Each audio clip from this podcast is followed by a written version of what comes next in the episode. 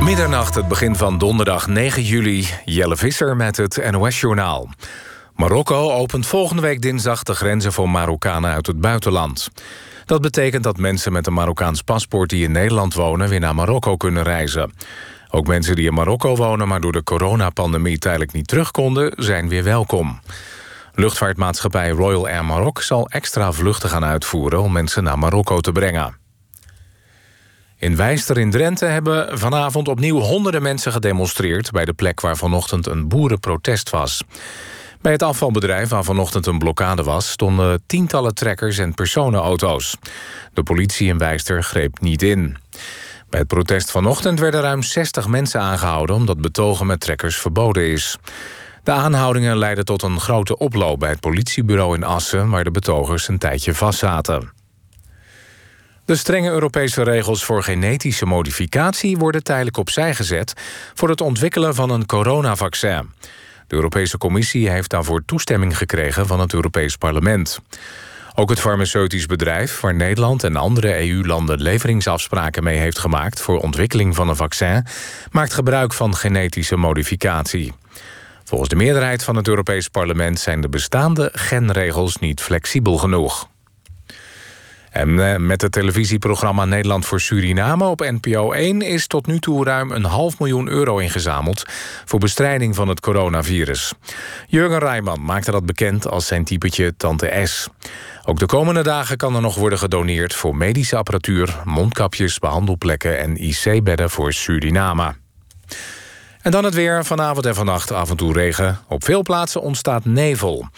Morgenochtend is het grijs en regenachtig. In de loop van de dag wordt het geleidelijk aan droger.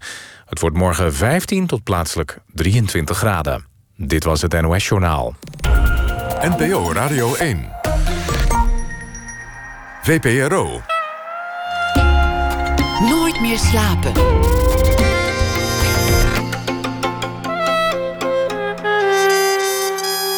Met Pieter van der Wielen. Goedenacht en welkom bij Nooit meer slapen. Onnozeliteiten, opstandigheidjes, fratsen en dwalingen noemt ze het zelf. Moot van Houwaard zit hier. Volgens de achterflap van haar nieuwe bundel loopt ze wel vaker de kantjes van de poëzie af. Ze maakte een bundel van werk dat ze schreef in de periode dat ze stadsdichter van Antwerpen was, twee jaar lang. Onnozeliteiten, ik hou van dat woord. En de plechtstatigheid die soms om poëzie heen hangt, is ook meteen verdwenen. Wat mooi is. Moot van Houwaard, die een toren van Babel bouwde van bamboe om de cacophonie van Antwerpen te bezingen. Die op de warmste dag in juli het asfalt smolt onder je voeten vandaan als een ijsbeer verkleed over de keizerlei liep. Kortom, een ander type dichter dan u gewend bent. Geboren in West-Vlaanderen, in Veurne, in 1984, schreef ze al meerdere bundels, maakte voorstellingen, een album zelfs, en nu weer een kloek en mooi vormgegeven werk. Het Stad in Mij. Een poëtische ode aan haar stad, Antwerpen. Moot, welkom. Goedenavond. Neem eens mee naar Veurne. Vertel eens over Veurne, West-Vlaanderen. Veurne ligt inderdaad in de far west van Vlaanderen. Het is, altijd verder rijden dan je denkt. Ja, eh, vanuit Antwerpen is het toch ook bijna twee uur rijden. Het is wel degelijk een stad, hè, dus uh, uh, soms durven mensen Veurne wel eens een dorp noemen, maar uh, Daar reken jij meteen mee af. Absoluut, ja. Het is een, het is een, een hele mooie stad met ook een, een hele rijke geschiedenis. Een prachtig marktpleintje met een gotische kerk, een romaanse kerk. heel veel interessante historische gebouwen. Um, kleine steegjes waarin je kunt verdwalen. En daar in de Statiestraat, vlakbij het station, daar um, heb ik mijn hele jeugd doorgebracht. Tot mijn 18 jaar heb ik daar gewoond. Mijn, mijn ouders wonen daar nog. Um, vorig jaar hebben ze mij tot, wat ik zelf ook wel een beetje grappig vind, uh, ereburger gemaakt van, van de Veurne. stad. Ja, van Veurne. En uh, het is een beetje de gewoonte dat de ereburgers ook een, een, een, plek krijgen. Zo heb je bijvoorbeeld Wiltura, dat is een, een, een zanger, die heeft dan het, uh, een sportpark gekregen. Hè. Dat is het Wiltura Sportpark geworden. En aan mij stelden ze de vraag van hè, of ik ook mijn naam wilde verbinden aan een parkje of een, um, of een straat of een plein.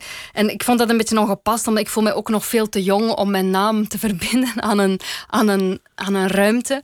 Um, maar toen hebben ze eigenlijk iets heel leuks opgevonden, want net naast ons huis ligt er een mini, mini, mini steegje. het is zelfs geen straat. Het is gewoon iets waar je kunt doorrijden om ehm, naar een pleintje achteraan te gaan. En dat is het, een, een, steegje waar ik vroeger als kind speelde. En dat hebben ze nu omgedoopt tot de Moot van Houwaard Boulevard. Het steegje dus werd een boulevard Veurne dankzij heeft jou. een boulevard sinds kort. Ja. Toen, toen je dan jong was, had je een beeld bij blijven in Veurne? Dacht je van, nou, misschien doe ik dat wel. Of dacht je, oh nee, dat nooit. Als ik hier blijf, word ik zo. Of, of hoe, hoe stond je daar tegenover? Goh, um, het is natuurlijk moeilijk praten wel... als je stads, stadsdichter, eh, bekend persoon, ereburger van Veurne bent. Dan kan je natuurlijk niet zeggen, ik droomde van wegkomen. Ik had geen heel concrete ambitie in de zin van ik wil dichter worden of ik wil uh, later uh, op een podium staan. Wel voelde ik het verlangen om te reizen. In eerste instantie in mijn hoofd. En um, ja, heb ik me nooit echt gebonden geweten met die stad. En, en was ik toch wel, zeker toen ik 18 werd en na de middelbare school, heel nieuwsgierig om. Um, ja, eens in een andere stad te gaan wonen. En toen heb ik eerst een paar jaar in, in de studentenstad Leuven uh, op kot gezeten, zoals wij dat zeggen. En daar genoot ik enorm van. Om, om eigenlijk ja, de, een beetje de eenzaamheid op te zoeken. Een beetje de gecultiveerde eenzaamheid van een student die dan alleen op zijn kot wat zit uh, romantisch te wezen. En, en uh, ja, ik denk dat ik dat wel al als kind wel, wel, wel naar uitkeek. Om, om mijn vleugels uit te slaan en niet meteen naar de andere kant van de wereld te trekken. Maar wel om um, ja, een, een, een grotere stad te gaan verkennen en mij daar dan als individu door te bewegen. En voilà, dan vanuit uh, Leuven ben ik uiteindelijk naar Antwerpen getrokken. En dat is nu wel echt je stad? Ja, hoewel ik het nog altijd ook wel vreemd vind om mij te verhouden tot een, tot, tot een, een, een stad. Uiteindelijk wordt je stad vooral bepaald door het beperkt groepje mensen waarmee je optrekt. En uh, in die zin voel ik mij misschien niet echt een inwoner van Antwerpen, maar ik voel mij ook geen inwoner van Vlaanderen of van België of van Europa. Ik denk dat ik mij nog het meest een inwoner voel van, van mijn taal en misschien van mijn hoofd. En, uh, en voor de rest vooral de vrijheid opzoeken. En dat is denk ik ja, ook het, uh, geldt voor ons allemaal. Hè. Zeker met het wereldwijde web. Ik bedoel, ik, ik ben nu hier bij jou, maar, maar met één klik uh, op de knop um, kan ik in Guatemala zijn. Hè? Door uh, een zoektocht op het internet. En, en um, in die zin ja, voel ik niet echt de grenzen van een stad. Dus voor jou is taal vrijheid? Woorden, dat is vrijheid. In je hoofd zit de vrijheid vrijheid en tegelijkertijd ook een beperking. Um, ik heb het altijd heel jammer gevonden dat ik me alleen kan uitdrukken in het Nederlands. En ik ben altijd heel jaloers geweest op mensen die meertalig zijn, omdat ik het gevoel heb dat um, ja, als je meerdere talen spreekt, je ook je in meerdere ruimtes kunt bewegen. Ik vind dat je dat ook vaak ziet, die transformatie. Als iemand eh, in een taal spreekt en plots verandert van taal, dan lijkt het bijna alsof, alsof ik een andere persoon voor mij zie. En dat heb ik altijd heel uh, fascinerend gevonden. Dus in die zin heb ik ook vaak um, ja, de beperkingen gevoeld van, van, van mijn eigen taal. Hè. Want ik, ik denk in het Nederlands. Het Nederlands heeft een specifieke grammatica. En grammatica is ja, toch de wiskunde van de taal, die, die toch ook voor een, een stuk de, de, de looprichting van de gedachten bepaalt. En Als er een woord voor is, dan bestaat de gedachte. En als dat woord er nog niet is, dan bestaat de gedachte niet. Precies. Ja. Je, haalt, je haalt ook zo'n woord uit, uit een andere taal aan. Ik ben even vergeten welke taal het ook alweer was. Die een apart woord hebben voor wachten op iemand die je lief hebt, die maar niet komt. Ja, dat is een, een, een woord uit het Inuit. Uh, de taal van uh, de zogenaamde Eskimo's. Iktswarpok. En dat zou dus zoveel betekenen als inderdaad uh, door het raam kijken om te zien of de persoon op wie je aan het wachten bent er al aan komt. Dus ik stel mij zo voor dat dan, dat is natuurlijk ook uh, eh, ik, ik betrap mezelf op, op een, een, fout beeld dat ik misschien nu heb hè, van, van, van een Eskimo die in zijn iglo door zijn raampje kijkt hè, en die sneeuwvlakte ziet en kijkt of dat de bezoeker al uh, over de heuvel aankomt. Maar dat idee van, van dat actieve wachten vind ik een heel mooi uh, gegeven. Dus dat is een beetje. wachten als handeling. Inderdaad. Het, ja, het wachten als gebeurtenis, als actieve houding als daad. Ik vond het een prachtig woord. Wat, wat voor mij ook uh, um, het werkwoord is van waaruit poëzie ontstaat. Poëzie ontstaat ook vanuit een actieve vorm van wachten. Uh, Herman de Koning heeft daar ooit eens iets heel moois over gezegd, een mooi citaat ook. Poëzie komt pas als je erop wacht zonder nog te wachten. Dus ik denk dat hij ook het had over ja, een actieve vorm van wachten. Poëzie komt pas als je erop wacht, maar wel zonder nog te wachten. Dus, uh, als je ontvankelijk bent ja, voor de mogelijkheid van poëzie. Ja, maar ook als je er uh, echt voor gaat zitten. Ik denk dat poëzie niet komt als je gewoon door de stad, stad dwaalt en hoopt dat de inspiratie bij mij gebeurt dat toch niet. Ik heb niet de goddelijke inspiratie die over mij neerdwarrelt. Je moet er mee bezig zijn, je moet ervoor gaan zitten. Precies, ja. Het is een, uh, in die zin een, een heel actieve vorm van ontvankelijk zijn. Ja, jouw naam, je bent vernoemd, Moot op zijn Frans, door jouw vader naar een, een film van Eric Romer, een, uh, een, een, Franse regisseur uit de jaren zestig. En dat was Maud chez la nuit of zoiets. Ma nuit chez Maud. Ma nuit chez Maud. Ja, mijn nacht. En hij zag die film en toen was jij nog lang niet geboren. En toen dacht hij, als ik ooit een dochter krijg, wat toen nog onwaarschijnlijk was. Want hij was jong, wist hij veel. Ja, ja hij was gewoon verliefd op die uh, actrice. Op die actrice.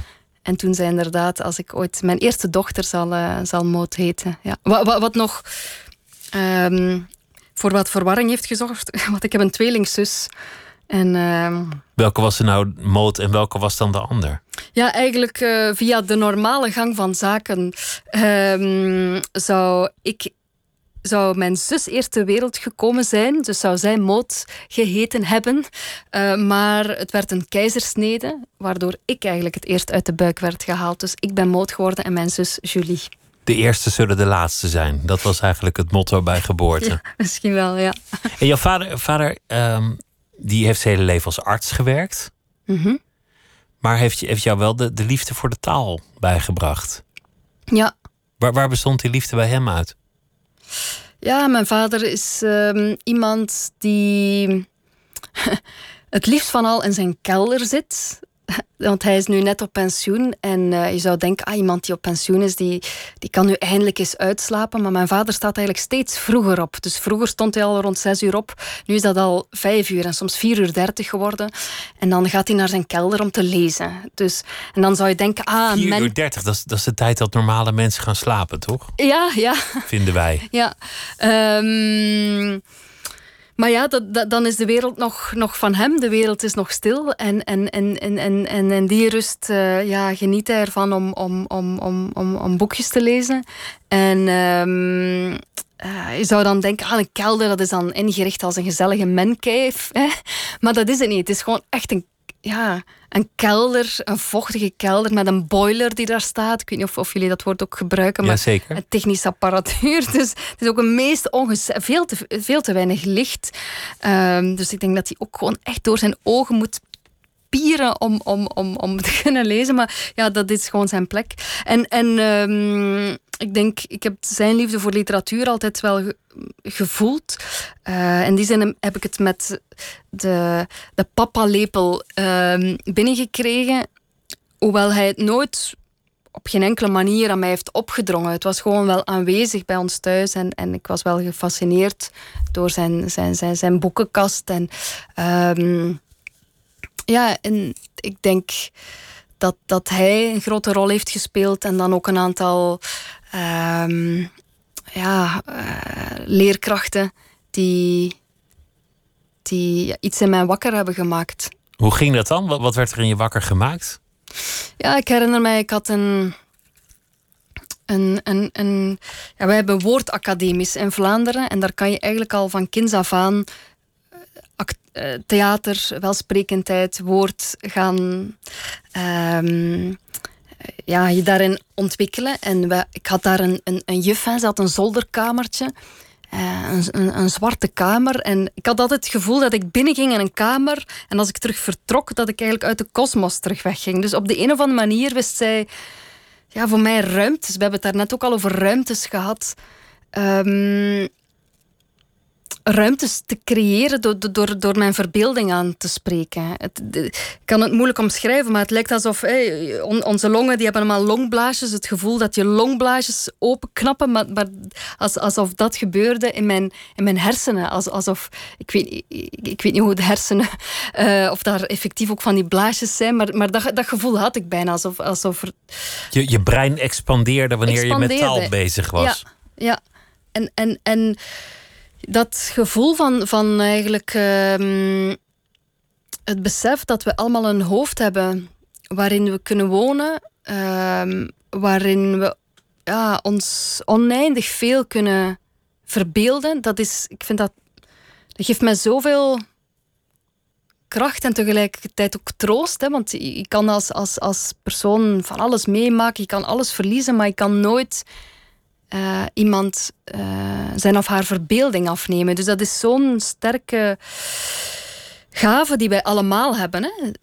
Um, en, en ik denk uh, dat toen ik dat dan ben beginnen te, te, te voelen, dat ik dat heb ge, ge, ja, daar heel erg de schoonheid van heb ingezien. En, ja, en zo zijn er nog een aantal want, je, want je hebt ook een keer geweest. de show gestolen op een avond waar je iets van Annie M. G. Schmid ging voordragen voor een volle zaal. Ja, ja dat was dan ook in Veurne. uh, de eerste keer dat ik op een podium stond met een, uh, met een gedichtje van Annie M. G. Schmid. Soja, soja, prikkeltje. Uh, hoe, hoe oud was je toen? Ik denk gewoon een jaar of zeven. En ik herinner mij dat ik het heel eng vond. Ik vind het nog altijd heel erg eng om alleen op een podium te staan. Omdat je bent zo uh, broos, zo kwetsbaar. Hè? Als je als een grote theatergroep op een podium staat, dan ben je op zijn minst gestut door je medespelers. Maar als je alleen op een podium staat, ben je zo kwetsbaar. Ook als, als het publiek op dat moment beslist om tegen je in te gaan, dan moet dat publiek alleen maar rechtveren naar voren stormen en kan het je zo omver uh, duwen. Hè? is maar dat is nooit gebeurd. Nee, maar, maar alleen al dat idee dat, dat, is, dat, dat iedereen dezelfde kant op kijkt en jij bent de enige die de andere richting op kijkt. Dus enerzijds ben je daar heel erg kwetsbaar, maar anderzijds ben je ook ontzettend machtig, want jij hebt op dat moment het woord en als je plots stilvalt, ja, dan is het stil. En, en dat, dat, dat geeft ook een enorme um, ja, macht ook die, die je hebt. En ik denk die, die, die, die combinatie of die frictie tussen die, um, die, die ultieme kwetsbaarheid en toch ook die, die kracht en die macht, dat ik dat toen, zonder dat ik daar natuurlijk uh, al woorden voor had, hè, maar dat mij dat wel. Um, dat fascineerde, om, ja. om op zo'n podium te staan. Maar dan, dan, kijk, we zijn een beetje aan het terugredeneren. Ja, absoluut. Want je bent nu dichter en dan zeggen we van goh, waar zou dat nou begonnen zijn? Nou, eh, toen was je, was je acht en stond je op een podium, ging goed. Ja, ah, nee, nou, absoluut. Je, maar je had natuurlijk ook prima demagoog kunnen worden of, of dictator met, met deze. Uh, ja, nee, maar dat ben ik wel zeker dat ik dat nooit zou. Dat zit niet in je. nee, totaal niet. Want daar ben ik veel te. Uh, daarvoor twijfel ik te veel. Of, of uh, ben ik oh ja, dat is niet een eigenschap van dictators. Twijfel. Eh, is het een vraag die je stelt? Of, uh... Nee, dat is een constatering. ik, ah, ik denk hardop. Ja. Je, je, kan nooit dictator worden, want je twijfelt. Precies, toch? Of, of, of ik denk ja, dat, dictators... dat, dat gaat niet. Nee, inderdaad. Dan heb je jezelf gedisqualificeerd in dat vak. Ja. Dus, dus dat, dat zat sowieso niet in mij. Maar ik heb wel heel lang getwijfeld om, om meer een wetenschappelijke richting op te gaan. Um, ik wilde en, eigenlijk... en acteren, heb je ook nog een tijdje over nagedacht? Uh, ja, maar dat, op de een of andere manier combineer ik dat nu wel. In die zin dat ik voorstellingen maak, theatervoorstellingen maak en, en, en met tekst op een podium sta. Um, Maar ik heb niet het idee dat ik daarbij uh, rollen speel, maar, maar vooral tekst speel. Dus, dus, dus, die grens is natuurlijk heel, heel dun van wanneer noem je iets.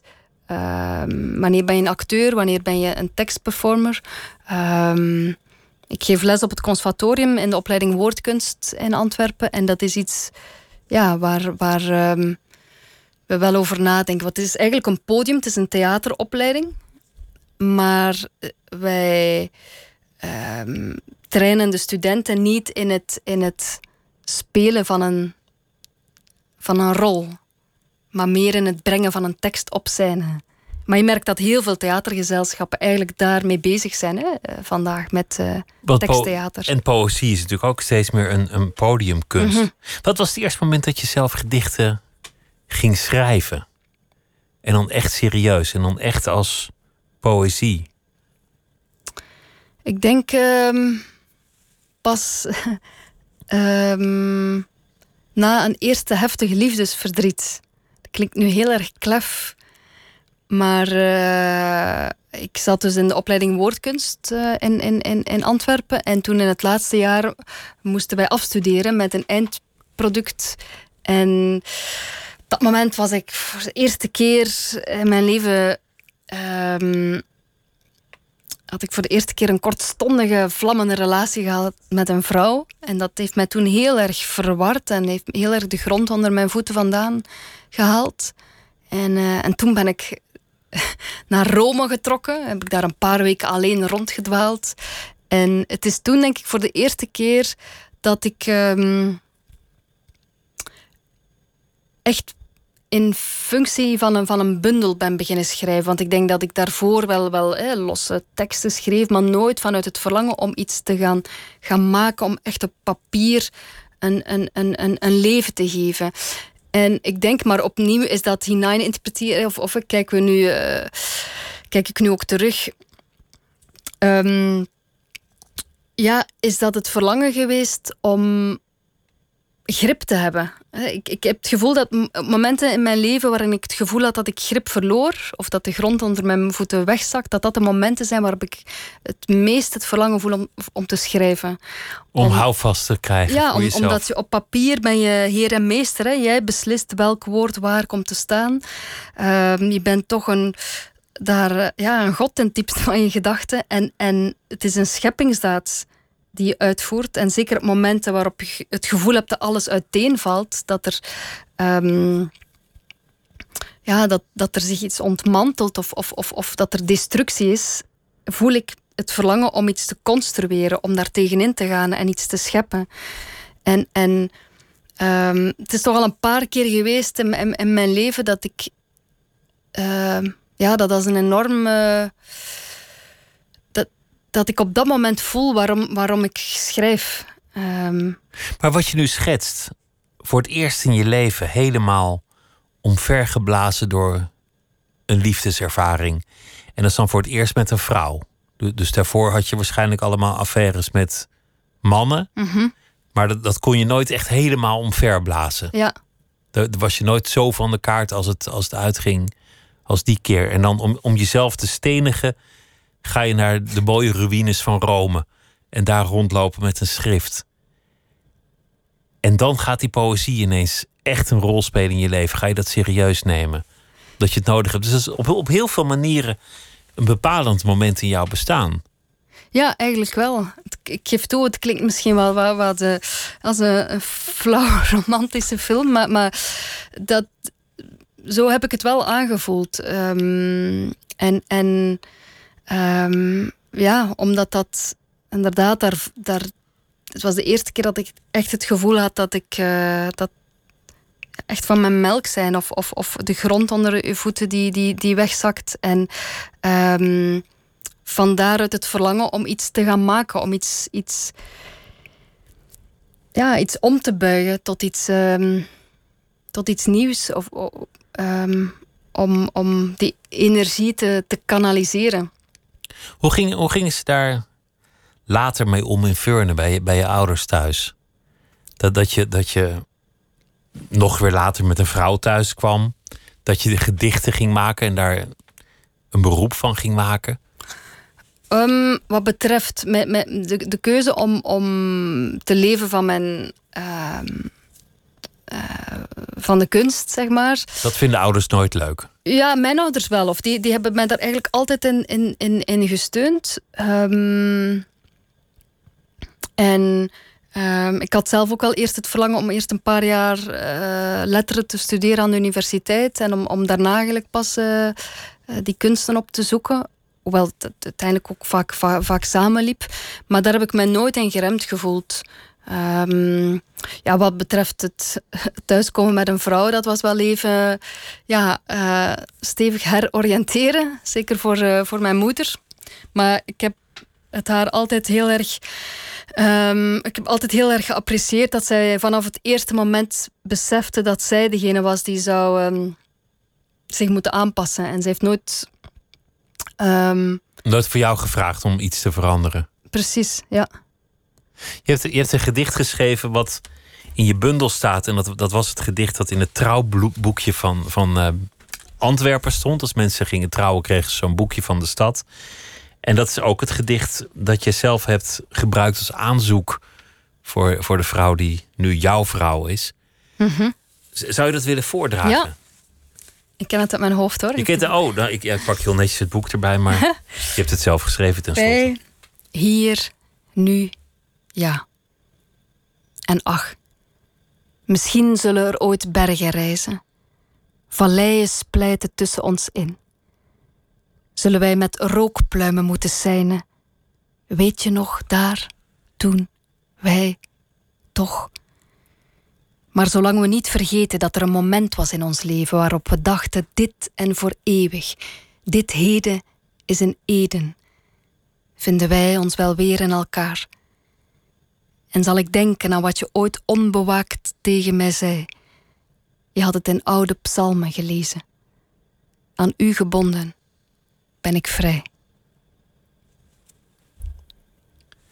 En even later vermeld je ook in het boek waar dat citaat vandaan kwam. Niet een psalm, maar een, een ander gedicht van iemand anders. Maar wat, wat, ik, wat ik mooi vind in het gedicht is dat je eigenlijk de zoete belofte van het huwelijk al, al meteen een beetje relativeert. Het is niet zo dat we voor altijd alleen maar gelukkig zullen zijn. We stappen hier niet naïef in. Mhm. We weten dat het moeilijk zal zijn, maar we zullen ons herinneren dat we hier toen zo stonden en onszelf daaraan houden. En natuurlijk is het zo dat je allerlei opties opgeeft door voor één iemand te kiezen. Maar juist dat is vrijheid. Als ik met jou ben, voel ik me vrij. Mhm. En dat, dat, dat is eigenlijk heel mooi, omdat je, dat je antwoord geeft op de vragen die je zelf al in je hoofd opwerpt bij het instituut huwelijk. Ja, en, en uh, wij zijn uiteindelijk ook niet, uh, of nog niet getrouwd. Verloofd nog steeds. Uh, ja, ja, ik vind dat eigenlijk ook de mooiste staat van zijn eigenlijk. De, de belofte die schuilt in het verloofd zijn.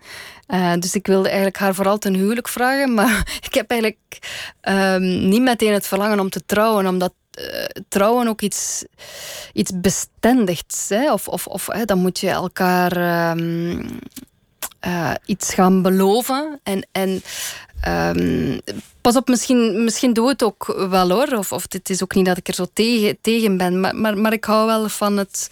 Ja, de. De schoonheid van de onverloste, de onvervulde ja, belofte. Ja, het onvervulde en, en het, uh, het, het, het, verlangen. Net zoals ik het fijn vind om. om te fantaseren over een toekomstige reis. En, en vaak vind ik uh, die, die periode daarvoor, hè, waarin je, waarbij je samen op de bank ligt en nadenkt: ah, waar zouden we deze zomer eens naartoe kunnen gaan? Daar zijn wij heel goed in om heel veel tijd daarin te spenderen. Um, ja, vind ik vaak ook fijner dan de eigenlijke reis. Misschien trek ik een beetje of eh, overdrijf ik nu wat, maar, maar uh, ja, dat, het, het het verlangen of de potentie, daar zit heel veel uh, schoonheid in, denk ik. Laten we luisteren naar een, een, stuk dat je hebt opgenomen. Want je hebt uh, samen met muzikanten Tom Kestens en Geert Wageman uh, iets opgenomen. En dat heet We zitten in het ritme.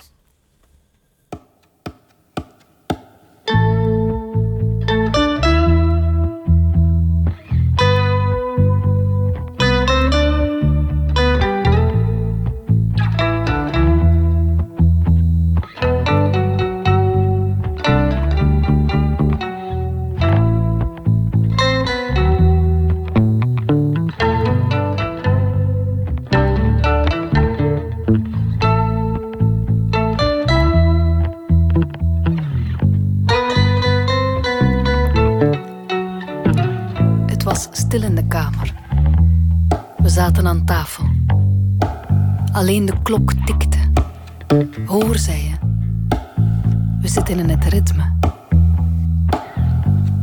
Toen nam je mijn handen vast. Blies er een verre oehoe in. Wanneer wij ons het meest verloren voelen, vinden wij ons in elkaar.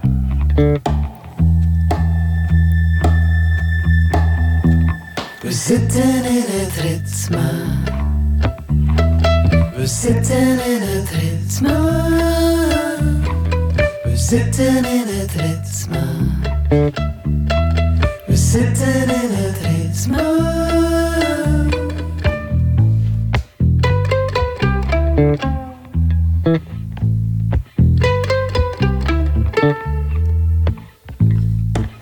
Op tafel staan. Dansten, maar niet echt. Want er was geen muziek. En wij zijn niet zo elegant. We draaiden elkaar eerder voorzichtig van de randen weg. Namen ons voor de kamer te verven. In het blauwe grijs van verre bergen. We zitten in het ritme. We zitten in het ritme.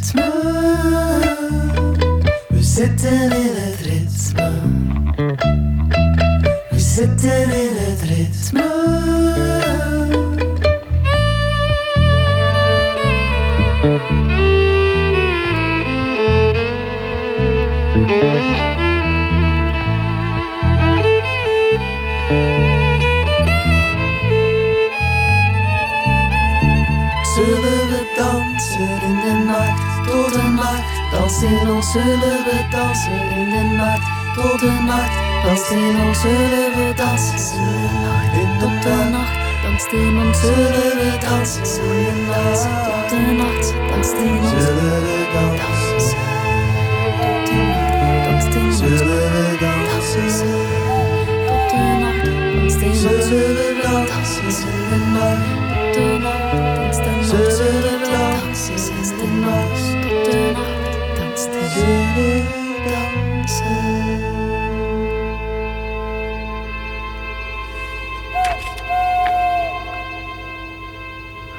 Van Howard was dat. We zitten in het ritme. En dit is een eh, stuk dat werd opgenomen in 2019. Ze is hier nu vanwege een nieuwe bundel die ze schreef in de periode dat ze stadsdichter van Antwerpen was. En dat is eh, een bundel die, eh, die voor mij ligt, waar we het nog over gaan hebben. We hebben tot nu toe gehad over Veurne, waar ze vandaan komt. In de buurt van Nieuwpoort, West-Vlaanderen. Een mooie stad met een mooie kathedraal, waar een kleine steeg nu een boulevard is genoemd. De Moot van Howard Boulevard. Want zij is ereburger en dat heeft ze allemaal zelf bij elkaar gedicht.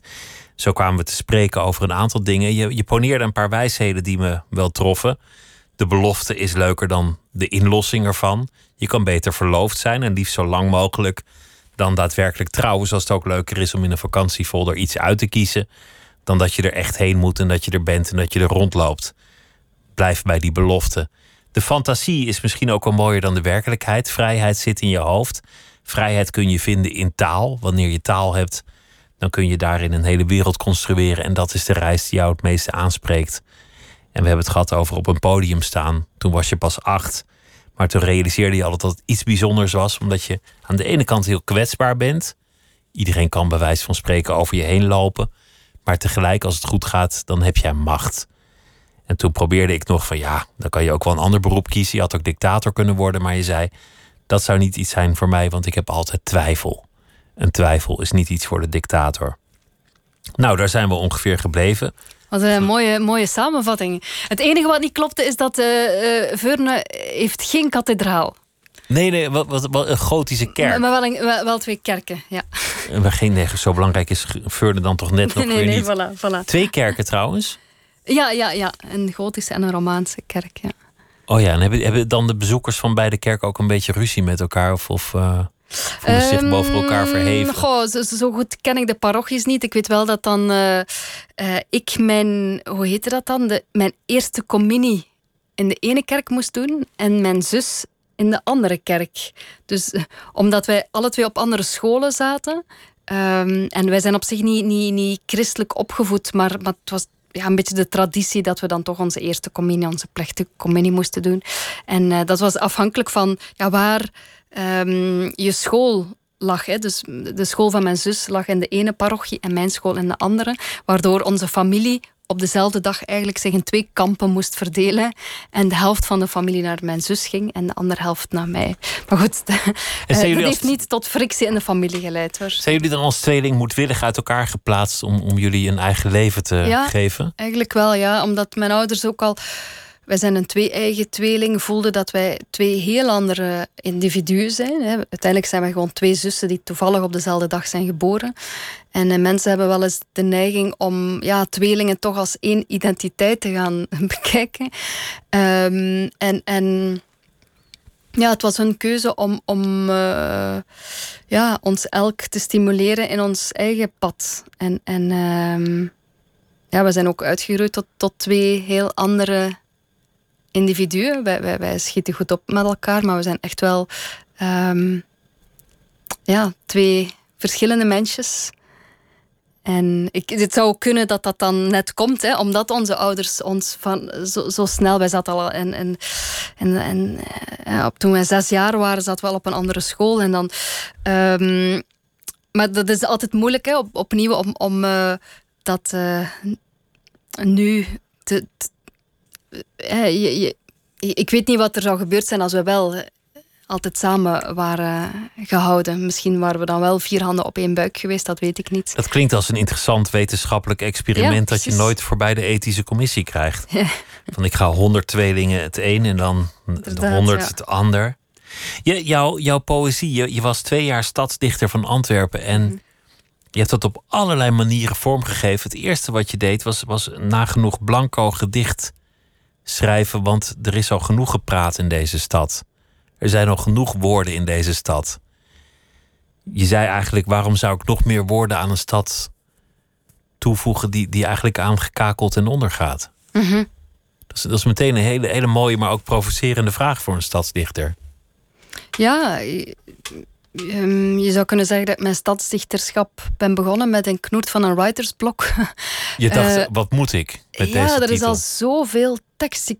je kijkt om je heen en, uh, overal schreeuwen de slogans je toe. En, en Antwerpenaren worden ook vaak, het is natuurlijk wel een beetje een cliché, maar gezien als zeer mondige uh, stadsbewoners. En ja, ik dacht, wat, wat welke tekst moet ik daar nu nog aan toevoegen? En in die zin leek het mij mooier om, om de stad witruimte te schenken. En dat heb ik ook gewoon letterlijk gedaan. Ik heb een parade georganiseerd op de Meer, de drukste winkelstraat, met mensen die witte borden hoog hielden en zo witruimte door de straat trokken. Spandoeken als het ware met niets erop. Ja. Voor de stilte. En er hoorde wel een tekst bij, maar die, die tekst was meer de kader, eh, het kader van de witruimte. En die tekst eindigde met uh, de versregel in alle talen waarin wij hier wonen, ontplooien open witte vlaktes, want het is in onze sprakeloosheid dat wij elkaar het best verstaan. En die zin, hè, want het is in onze sprakeloosheid dat we elkaar het best verstaan, is voor mij een beetje het motto geweest van mijn stadsdichterschap. En alle andere projecten die kan ik daar op de een of andere manier ook aan, aan, aan koppelen. Um, we hadden het daar net ook al over meertaligheid hè, en, en ja, hoe je beperkt bent als je maar één taal kunt spreken. En in die zin ja, um, zou ik soms willen dat we de talen niet meer nodig hadden. Hè? Dat we elkaar gewoon in de ogen zouden kunnen kijken en elkaar in de sprakeloosheid konden vinden. Het zou niet zo heel interessant zijn voor de radioluisteraars nu natuurlijk, als we nu in stilte zouden kijken naar elkaar. Maar ik denk als schrijver dat dat toch voortdurend um, ja, iets is waar ik tegenaan bots. Ik heb in die zin heel veel moeite met de taal. Je zou denken, een dichter is iemand die de taal wilt vieren en een ode wilt brengen aan de taal, maar ik vind de taal echt. Want jij vindt de vrijheid in je taal, maar ook de beperking van, van die vrijheid. Ja. En, de vrijheid is niet oneindig. Um,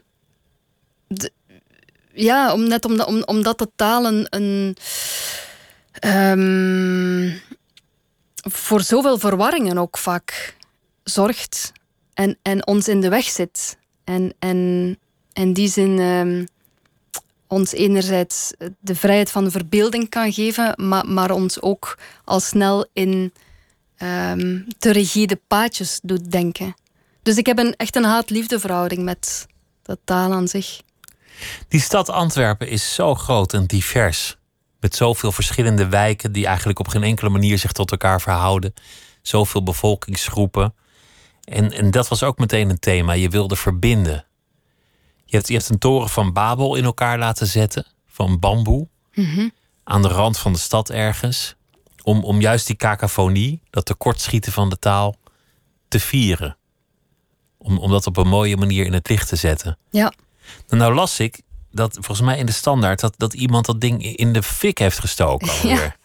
Ja, nee, dat klopt. Eh, het is een, ja, een monumentaal werk geweest, opgetrokken inderdaad uit hout en bamboe, had verschillende verdiepingen. We hebben daar ook op oudjaarsavond 24 uur nieuwjaar gevierd. Hè, dus volgens alle tijdszones uh, hebben uh, ja, 24 uur lang um, ja, elk uur terug uh, afgeteld in in, in, tal van talen. Um, en daar allerlei ook literaire evenementjes hebben we daar georganiseerd. Uh, maar effectief, uh, de, de toren is een aantal maanden geleden in de fik gestoken door, door iemand. Gelukkig ja, het is een beetje een triestig verhaal, omdat het iemand is met, die vanuit een waan, vanuit een psychose eigenlijk um, dat gedaan heeft iemand die eigenlijk het project heel genegen is. Hè. Dus zeker niet vanuit racistische motieven of iemand die tegen het project inging. Integendeel zelfs.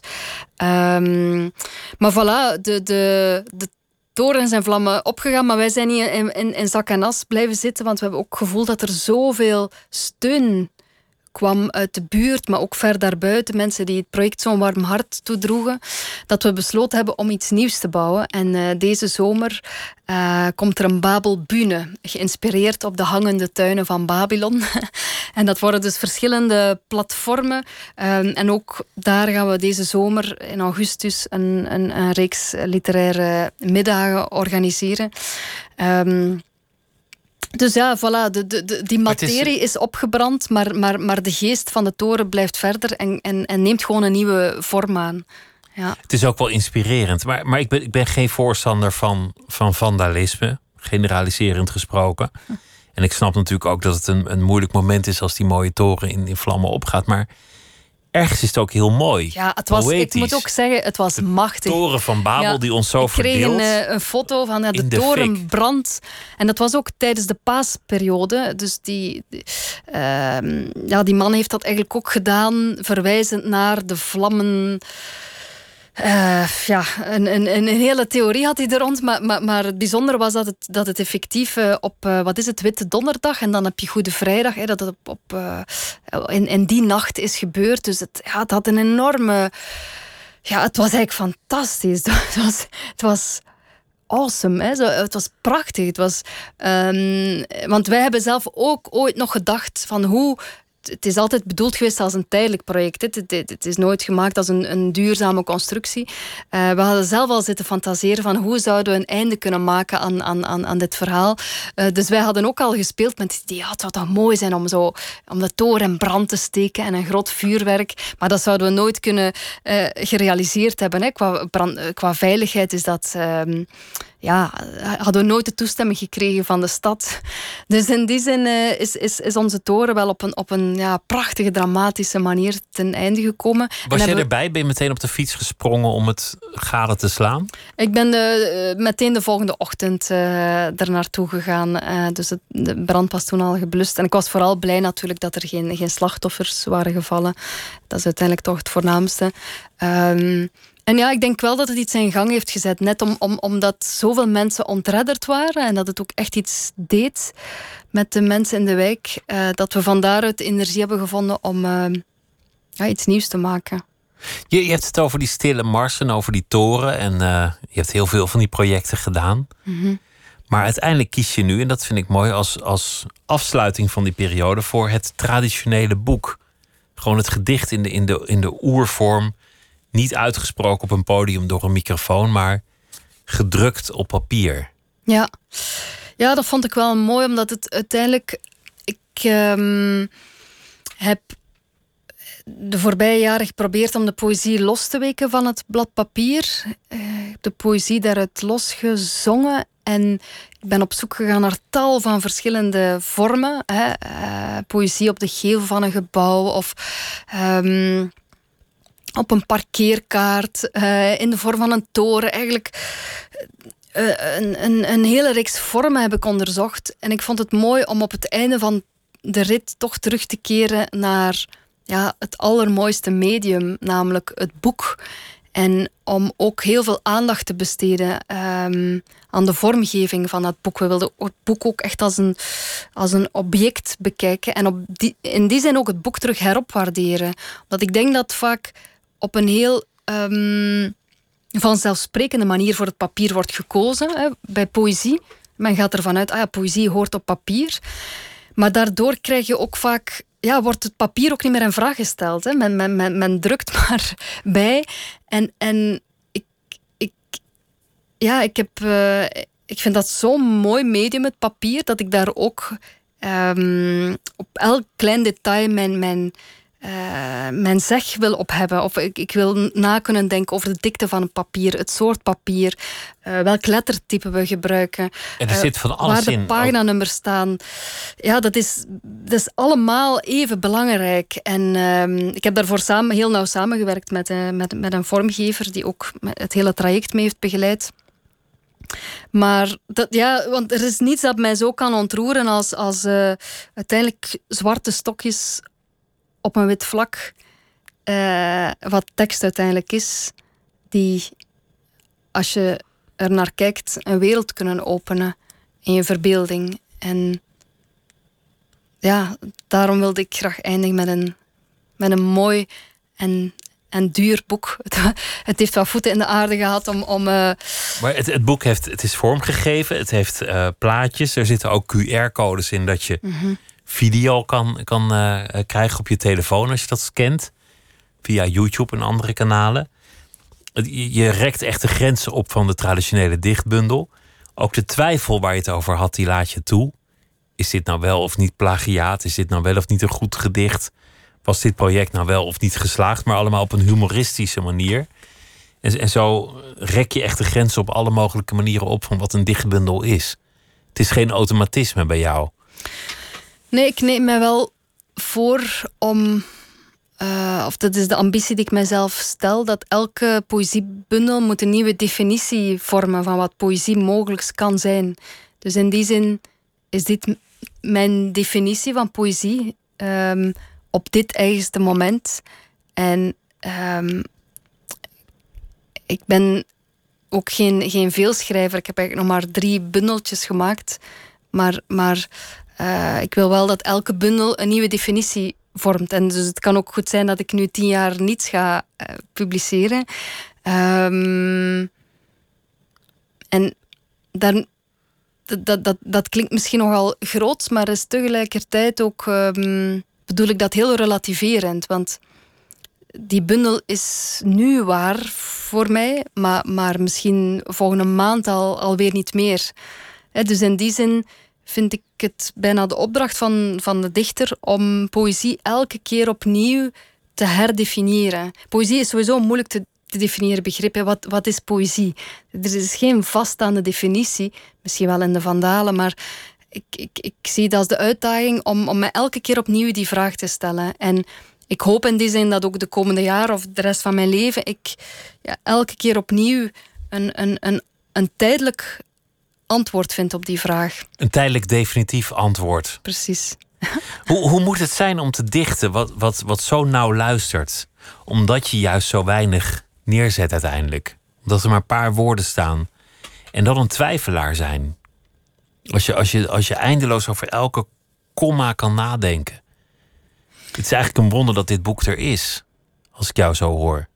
Ja, kom ik zo het nee, omdat, je, dat je dat, omdat je het over jezelf zei. Van ik, ik ben een enorme twijfelaar. Omdat je nu ook zei, dit is voor mij nu de definitieve vorm, maar over vijf jaar niet meer. Ja.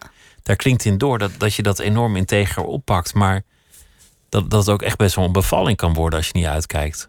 Ja, um, ik denk dat, dat ik enerzijds wel een, of zeker de voorbije jaren binnen die opdracht van het stadsdichterschap, voelde ik ook, kijk, dit is zo'n cadeau die ik krijg, of zo'n kans om twee jaar de steun ook te hebben van de stad. En, en um, van alles te kunnen uh, uitproberen. En ik had ook thuis een, een, een, lade uh, met, met, met heel wat ideetjes waarvan ik dacht, ja, het is nu of nooit. Ik, ik krijg nu die, die, die kans, die steun ook financieel, maar ook logistiek. Um, dus ik ben ja, bijna als een bezetene te werk gegaan. En zeker die laatste maanden, ja, dat wil ik nog doen en dit en ook. En, en ja, dat werd, ja, ik was daar echt bijna bezeten uh, mee bezig om alles er nog door te jagen, bijna. Um, het, en het werkte ook echt verslavend. Hoe meer ik aan het doen was, hoe meer nieuwe ideeën ik kreeg. En um, het, het, het hielp mij ook om, om, om keuzes ook niet al te lang in, in vraag te stellen. En om, om op dat door. moment, ja, voilà, um, te gaan. En op dat moment er ook van bewust te zijn van, kijk, dit is wat ik nu maak en nu doe. En um, op de een of andere manier wist ik wel dat ik naar dit boek zou toewerken en dat het samen ook één verhaal vertelt. Als je daar nu gedichten uit lostrekt, dan weet ik niet of, of alle gedichten blijven staan. Maar, maar, maar samen vormen ze wel het verhaal van die, van die paar jaren waarin ik um, in dat bad ben gedoken. En um, ja, een, een, een, avontuur ben aangegaan waarin ik de lezer ook probeer mee te nemen.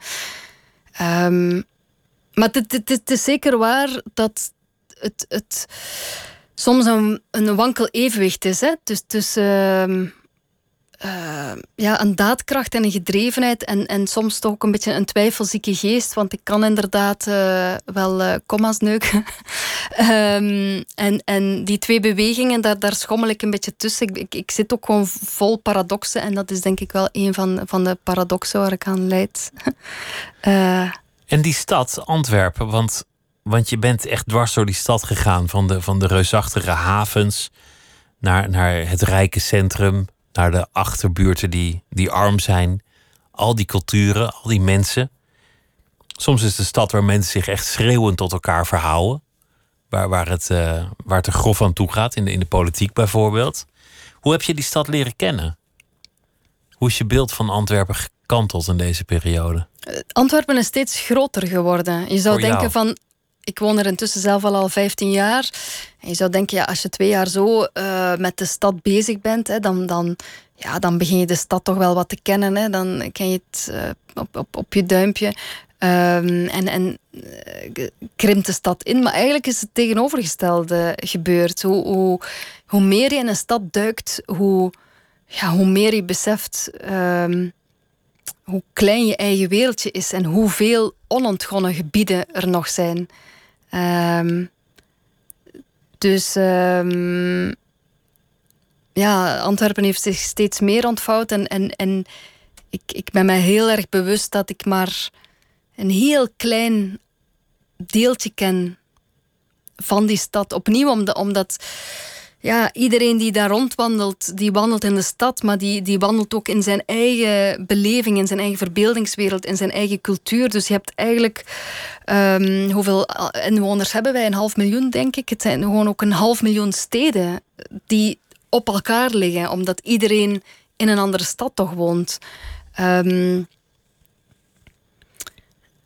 dat zei je in het begin ook, van ja, Antwerpenaar, ik heb mijn eigen kring ik begeef me in mijn eigen kringetje, maar wat weet ik eigenlijk van die stad? Wat, wat kan ik erover zeggen?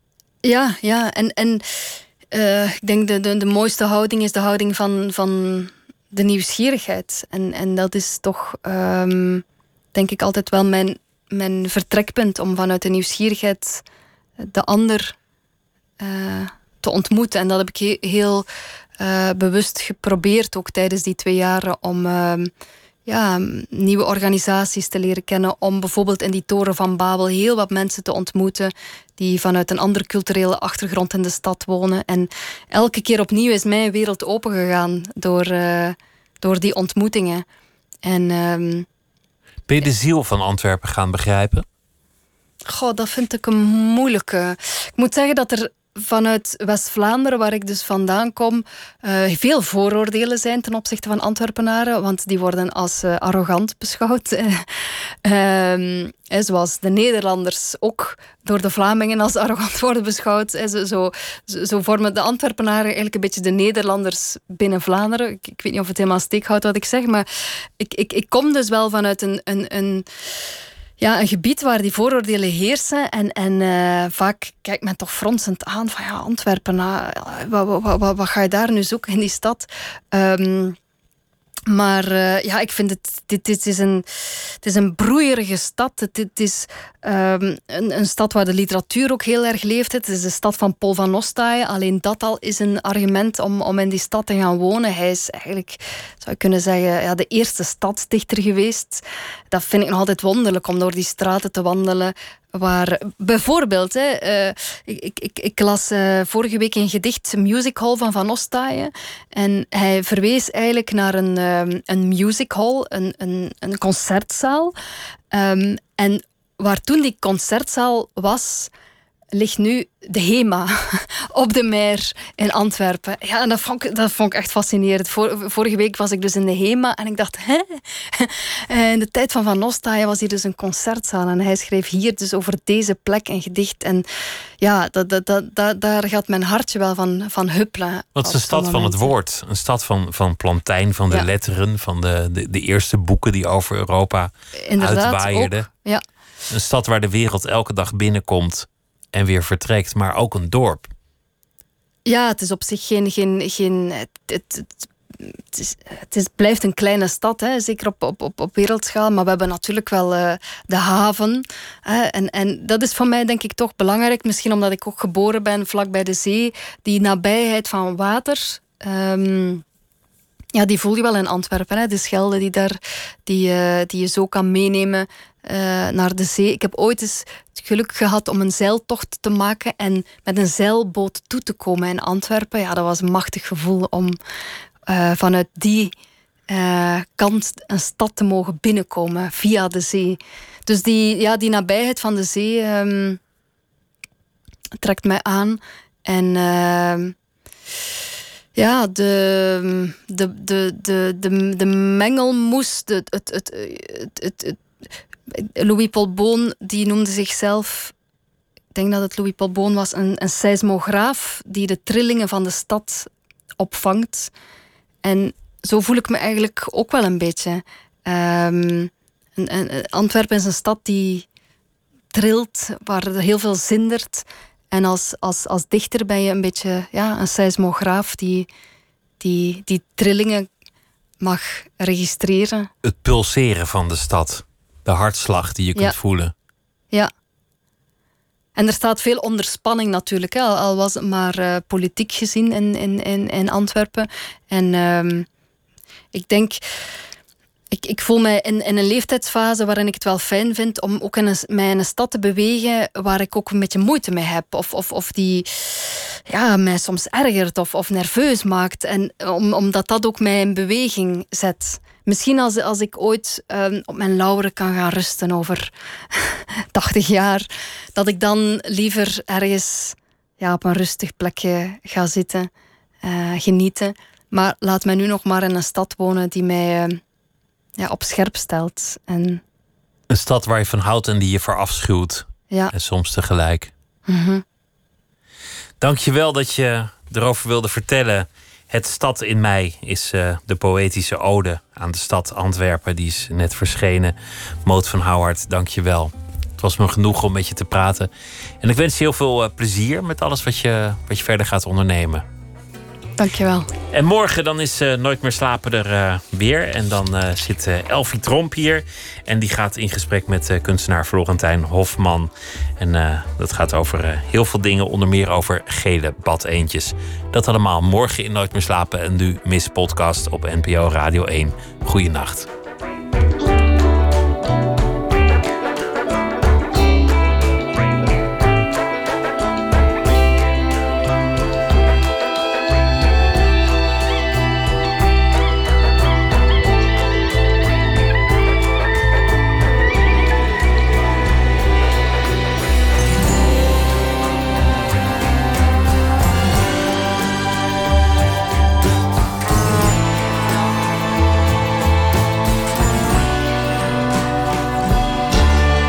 Radio 1. Het nieuws van alle kanten.